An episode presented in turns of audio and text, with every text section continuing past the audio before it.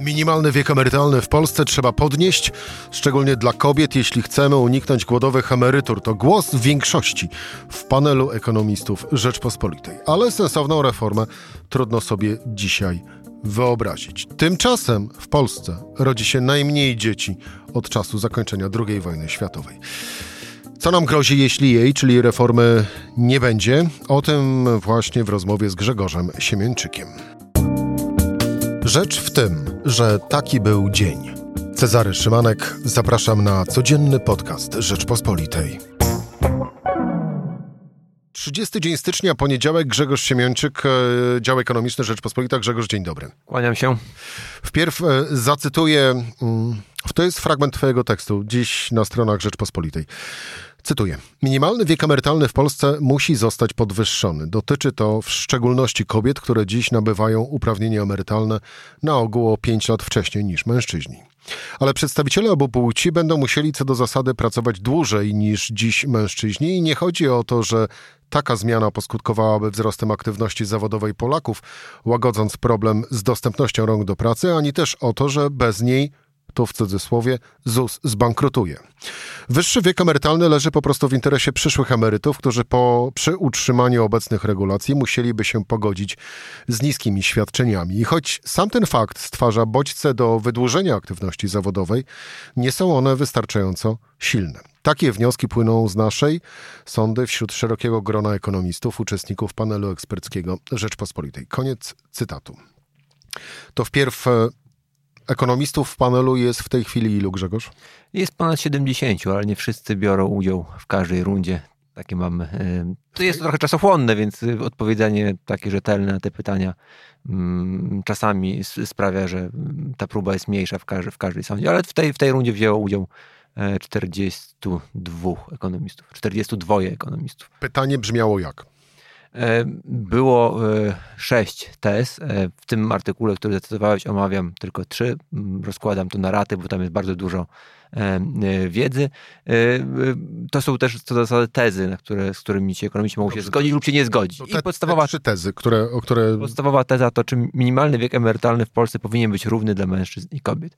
No i tutaj 95% ekonomistów zgadza się z tą tezą. Nie ma żadnego głosu sprzeciwu. Jest to absolutnie e, spektakularny wynik, ponieważ ten nasz panel ekonomistów ma już dosyć długą historię. Trwa od ponad dwóch lat. Myślę, że w tym czasie zadałem tym ekonomistom przynajmniej z 200 pytań i tylko jedno miało tak e, dużą e, zgodę, tak dużą jednomyślność dotyczące tego, że bilans korzyści w, e, z obecności Polski w Unii Europejskiej jest dodatni. Czyli, e, czyli jest to po prostu oczywista oczywistość, że ten wiek musi być równy. Dobrze, oczywista oczywistość e, dla ekonomistów. A teraz jak taki ekonomista, przemawiający przez ciebie również, wytłumaczyłby kobiecie, że ona ma pracować tyle samo lat co mężczyzna? Jakich słów byś użył? Użyłbym takich słów, że e, jesteśmy po prostu nieracjonalni w momencie, kiedy e, przechodzimy e, na, na tę emeryturę, nabywamy, nabywamy to uprawnienia, nie wiemy, jak będziemy funkcjonowali za 20 lat. E, nie wiemy, czy na przykład nasz partner życiowy będzie nadal żył i będziemy mogli liczyć na, na, na drugi dochód. E, nie wiemy, czy nasze, nasze dzieci będą potrzebowały naszej pomocy przy opiece nad wnukami.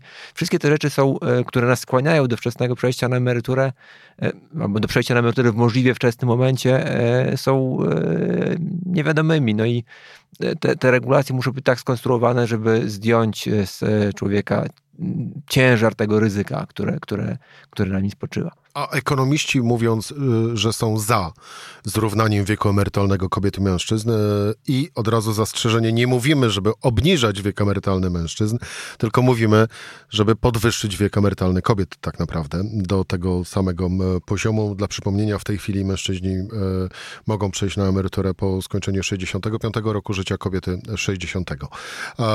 Ekonomiści jakich argumentów używali odpowiadając za na tak postawioną tezę? Że obecne, e, obecne parametry tego systemu e, wskazują kobiety na ubóstwo na emeryturę. No i z tym, z tym trudno polemizować. Kobiety żyją statystycznie rzecz biorąc sporo dłużej niż mężczyźni, natomiast sporo krócej płacą te składki emerytalne i z tego siłą rzeczy wynika, że będą miały po prostu głodowe emerytury. Czy na to również rzutuje dysproporcja płac pomiędzy mężczyznami a kobietami? Te, też ma, ma na to wpływ, ale tu jest ważne, jest ważne jest zjawisko, na które zwrócił uwagę profesor Marek Góra. Otóż ten wiek emerytalny oficjalny, e, on też jest pewnego rodzaju sygnałem dla pracodawców. Znaczy pracodawcy, widząc, że wiek emerytalny dla kobiet wynosi 60 lat, e, mogą na przykład powstrzymywać się od awansu e, kobiet już w zaawansowanym wieku, od podnoszenia im pensji. Mogą zakładać, że one będą pierwsze do zwolnienia w razie, w razie takiej potrzeby. I to też jest właśnie jeden z powodów, dla którego wynagrodzenia kobiet są niższe. Czyli ten niższy wiek emerytalny, on nie tylko powoduje, że te emerytury są niższe dlatego, że one odprowadzają mniej składek, bo krócej pracują, ale też dlatego, że mniej zarabiają i częściowo mniej zarabiają właśnie wskutek tego, że mają niższy wiek emerytalny. Czyli po pierwsze y, zrównujemy wiek emerytalny kobiet i mężczyzn. Druga teza. Druga teza brzmiała, czy ten zrównany wiek emerytalny kobiet i mężczyzn powinien wynosić 67 lat. Czyli tak jak było w tej propozycji e, reformy z 2012 roku. Jakie były odpowiedzi? No, tutaj e, zgodziło się z tym 67% ekonomistów. Mm, ale mam powody, żeby sądzić, że to nie oddaje rzeczywistego poparcia dla e, samej koncepcji podniesienia wieku emerytalnego. Ja tę tezę dosyć niefortunnie sformułowałem, bo mm, dodałem tam, że chodzi o podwyższenie wieku do 67 lat w perspektywie kilku lat. Chodziło mi o to, żeby w perspektywie kilku lat rozpocząć reformę, natomiast część ekonomistów uznała, że mi chodzi o to, że to za kilka lat ten wiek powinien tyle wynosić i to jest oczywiście nierealne. W sensie to jest nierealne nie tylko dlatego, że nikt się na to nie zdecyduje, ale też dlatego, że e, uprawnienia emerytalne mają charakter praw nabytych i nie wolno ich tak po prostu sobie zmienić z dnia na dzień. Tak? E, I, i, I tam, i teraz to przejdę do, do, do kolejnej tezy. Kolejna teza była taka, czy bodźce w systemie emerytalnym, zachęty w systemie emerytalnym do dłuższej pracy są wystarczające, żeby ludzie sami z siebie chcieli dłużej pracować, niezależnie od tego, ile wynosi minimalny wiek emerytalny. To jest e, argument, który e, wysuwają politycy wszystkich opcji. E, premier Donald Tusk ostatnio powiedział, że on, kiedy, jeśli Platforma Obywatelska doszłaby do władzy, nie wrócą do reformy z 2012 roku, ponieważ ludzie tego nie chcą, ale on też uważa, że system emerytalny obecny przez to właśnie, że mm, wysokość emerytury zależy od tego, ile czasu się odprowadza składki, to ten system emerytalny stwarza bodźce do tego, żeby dłużej pracować i w związku z tym nie ma potrzeby podnosić e, wieku emerytalnego. Otóż 83% ekonomistów nie zgadza się e, z takim e, rozumowaniem, czyli uważają, że te bodźce w systemie emerytalnym nie są substytutem, nie są alternatywą dla podwyższenia wieku emerytalnego, czyli można wnioskować, że mniej więcej te 80 parę procent ekonomistów uważa, że wiek emerytalny należy podwyższyć z obecnego poziomu. No właśnie, bo tak no, zastanawiałem się nad tą ostatnią tezą, y, co ten procent odpowiedzi y, bardziej oznacza. Czy on bardziej oznacza to, że te zachęty do dłuższej pracy są zbyt małe, czy też właśnie oznacza, że to nie w zachętach e, tkwi diabeł, tylko tak naprawdę w samej e, w samym wieku emerytalnym i jego wysokości.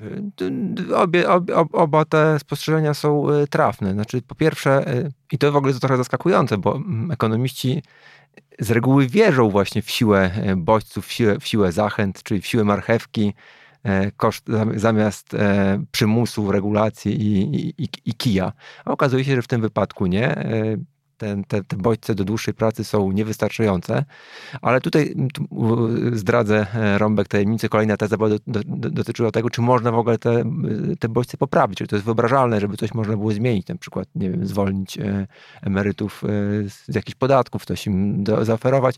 I z tym też ekonomiści do zasady się nie zgadzają. Czyli chodzi o to, że one są strukturalnie niewystarczające. Po prostu ze względu na to, jak działa ludzka psychika i, i że ta ten wiek emerytalny jest pewnego rodzaju kotwicą, e, taką, na której się e, koncentrujemy, to tutaj jest e, fakt, że będzie wyższa emerytura, jeśli przejdziemy na emeryturę trochę po przekroczeniu tego wieku, nie jest wystarczającym bodźcem. Też dlatego, że tak jak mówiłem na początku, to jest pewien, pewien sygnał dla pracodawców, czyli pracodawcy też mogą nie chcieć wcale zatrudniać ludzi w starszym wieku. No i to też jest taka, taki sygnał wysyłany przez rząd. Słuchajcie, ten wiek emerytalny jest takim, po którym, w którym możecie bezpiecznie przejść na emeryturę. To wystarcza. No właśnie, a tak naprawdę okazuje się w wielu wypadkach, że nie wystarcza i teraz dotarliśmy do tego miejsca, gdzie musimy zmierzyć się z, z opiniami ekonomistów, z tym, co my również obydwaj dobrze wiemy, że powinno się w gospodarce e, wydarzyć. No ale najprawdopodobniej się nie wydarzy, bo no właśnie, bo mamy e, takich, a nie innych polityków, którzy owymi regulacjami zawiadują jak też mówią, w odpowiedzi na zapotrzebowanie społeczne, ale z drugiej strony, jakby też zapytali e, społeczeństwa, czy chcą płacić e, podatki, no to usłyszeliby, że nie, no to też się rodzi pytanie, czy wtedy znieśliby te podatki, prawda? Są takie kwestie, które tak naprawdę mm, trzeba e, no, regulować, biorąc pod uwagę przyszłość i wizję, a nie tylko i wyłącznie patrząc na, na tu i teraz. I można wysnuć bardzo prosty wniosek, mm, bardzo wysoce prawdopodobny, mm, że przez najbliższych 5-10 lat kwestia wieku emerytalnego nie zostanie ruszona. Co wtedy?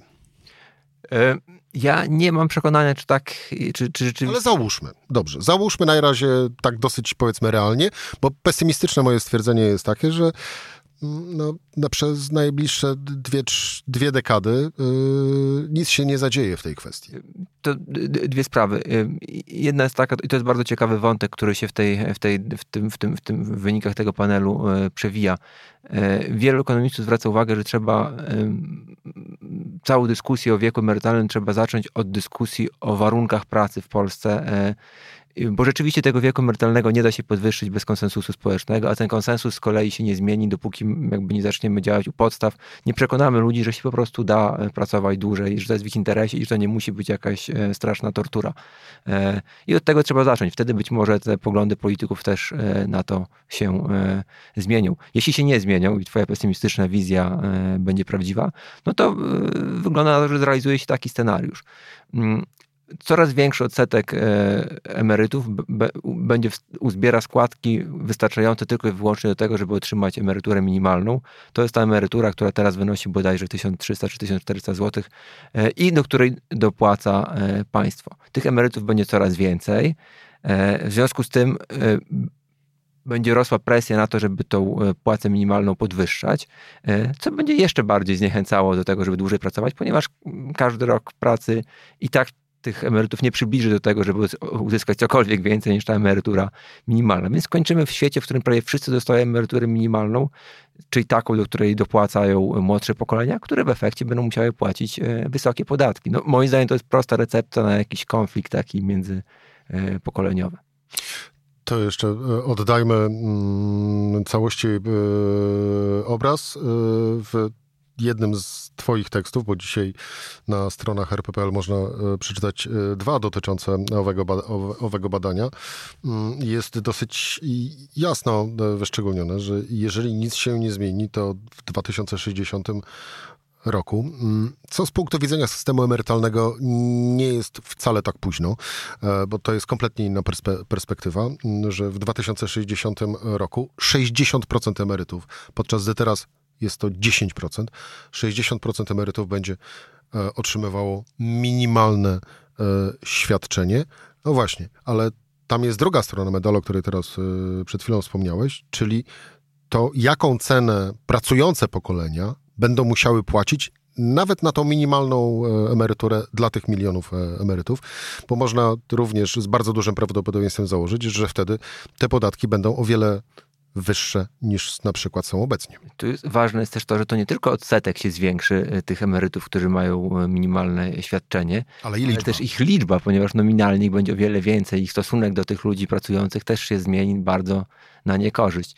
No, a przy obecnej, e, przy obecnych trendach, jeśli chodzi o dzietność, no to mm, jedynym remedium na to będzie masowa imigracja, na którą też nie wiem, czy my jesteśmy jako społeczeństwo E, gotowi. W sensie masowa to, to zdecydowanie większa niż to, co widzieliśmy choćby w minionym roku. No właśnie, bo dotknąłeś demografii, a dzisiaj z kolei również Główny Urząd Statystyczny oprócz e, wyniku PKB za 2022 rok, czyli takiego podsumowania e, polskiej gospodarki w, w ubiegłym roku, podał również dane dotyczące dzietności i ta jest na poziomie właściwie liczby urodzeń, ta jest na poziomie najniższym od czasu zakończenia II e, wojny światowej.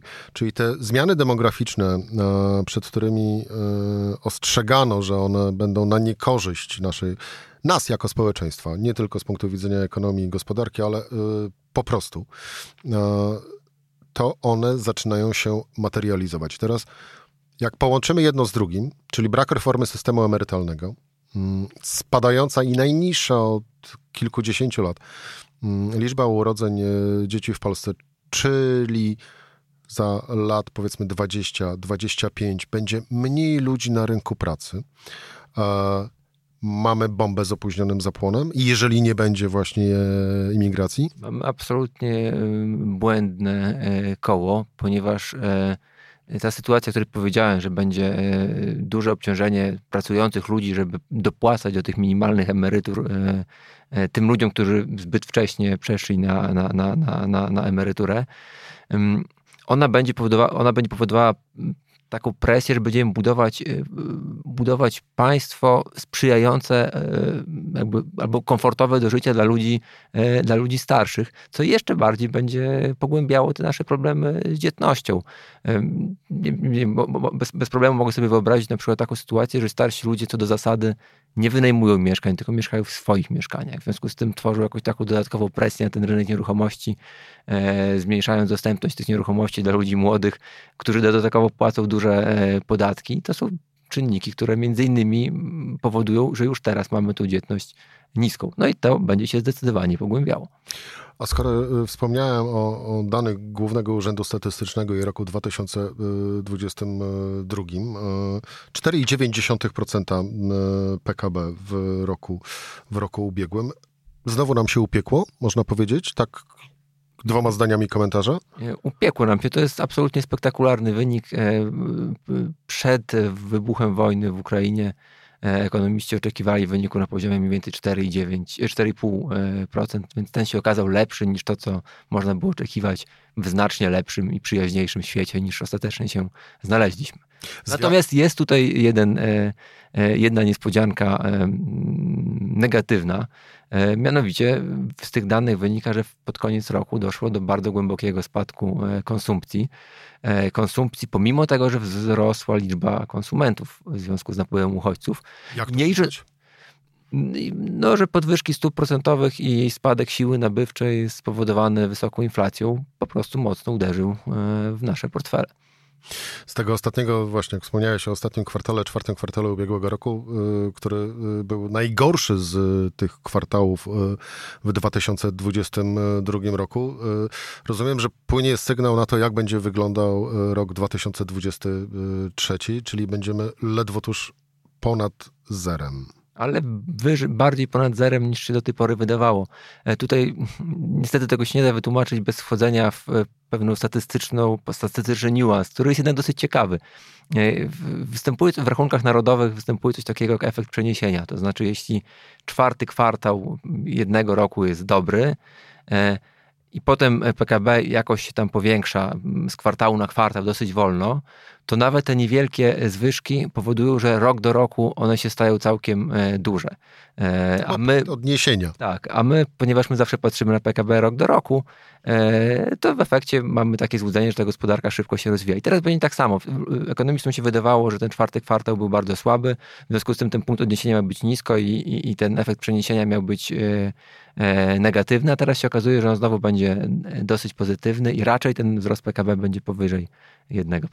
Powiedziałem, e, zaczynając ten wątek e, rozmowy, powiedziałem o tym, że znowu, no bo w pamięci e, z kolei kryzys finansowy, czyli 2007-2008 rok, wtedy też przyszliśmy w miarę suchą, suchą nogą. Teraz wiele wskazuje na to, że również nam się uda. To duża zasługa tak naprawdę polskiego biznesu i polskich przedsiębiorców przede wszystkim, no bo też powiedzmy sobie wprost, to niekoniecznie zależy od rządzących tak naprawdę. Nie, absolutny przypadek, szczególnie, że właśnie dużym, e, ważnym motorem wzrostu okazał się eksport e, znowu i zewnętrzny popyt. Czyli nie zależy no od właśnie, naszych działań. Czyli raz jeszcze powtórzmy, siła polskiego, siła polskiego biznesu i siła polskiej e, przedsiębiorczości. I na koniec, Grzegorz, zatoczę koło.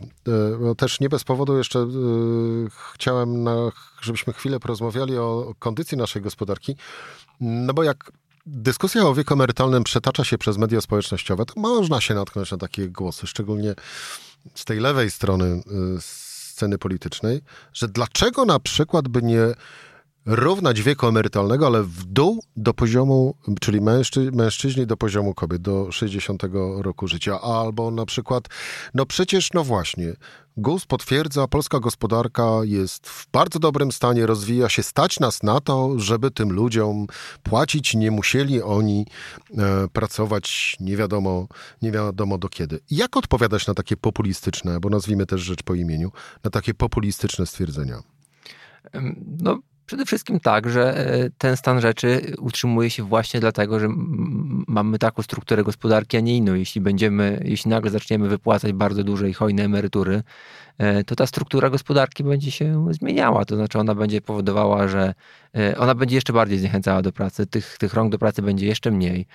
Z tego tytułu będziemy mieć permanentnie wyższą inflację, ponieważ usługi te pracochłonne będą szybko drożały będziemy płacić większe podatki na dopłaty do tych e, e, emerytur minimalnych, które być może jednak w końcu e, ograniczą te inwestycje, które teraz są właśnie kluczem do sukcesu naszego sektora eksportowego. Zresztą kluczem do tego sukcesu jest też to, że póki co, pomimo tego, że ta że, że ludność się bardzo szybko starzeje, to tych rąk do pracy jednak na razie nie brakuje. Znaczy, natomiast ich zacznie brakować, a im bardziej będziemy tych starszych ludzi wypychać poza rynek pracy e, zbyt niskim wiekiem emerytalnym, tym bardziej tych rąk będzie brakowało. No właśnie, i teraz rodzi się pytanie, zresztą sam o tym też wspominałeś, ale już nie odpowiadajmy sobie, zostawmy to Państwu do odpowiedzi. Czy, czy i w jakim stopniu Polska jest gotowa na przyjęcie migrantów tak naprawdę, bo, bo jeżeli nic się nie zmieni, to tylko oni będą mogli uratować nasz rynek pracy tak naprawdę. Mówimy o pięciu milionach albo coś tym e, tego rzędu. No to już pewnie kilka osób wystraszyłeś. E, Grzegorz Siemięczyk, e, dziennikarz e, działu ekonomicznego Rzeczpospolitej. Dziękuję Ci bardzo Dziękuję. za rozmowę. To była Rzecz w tym w poniedziałek. Cezary Szymanek do usłyszenia jutro o tej samej porze.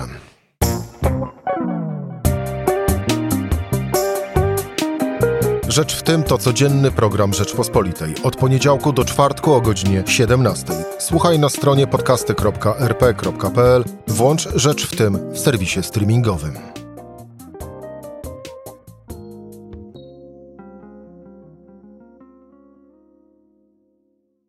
Poznaj mocne strony Rzeczpospolitej. Wejdź na prenumerata rp.pl. Polecam. Bogusław Rabota, redaktor naczelny.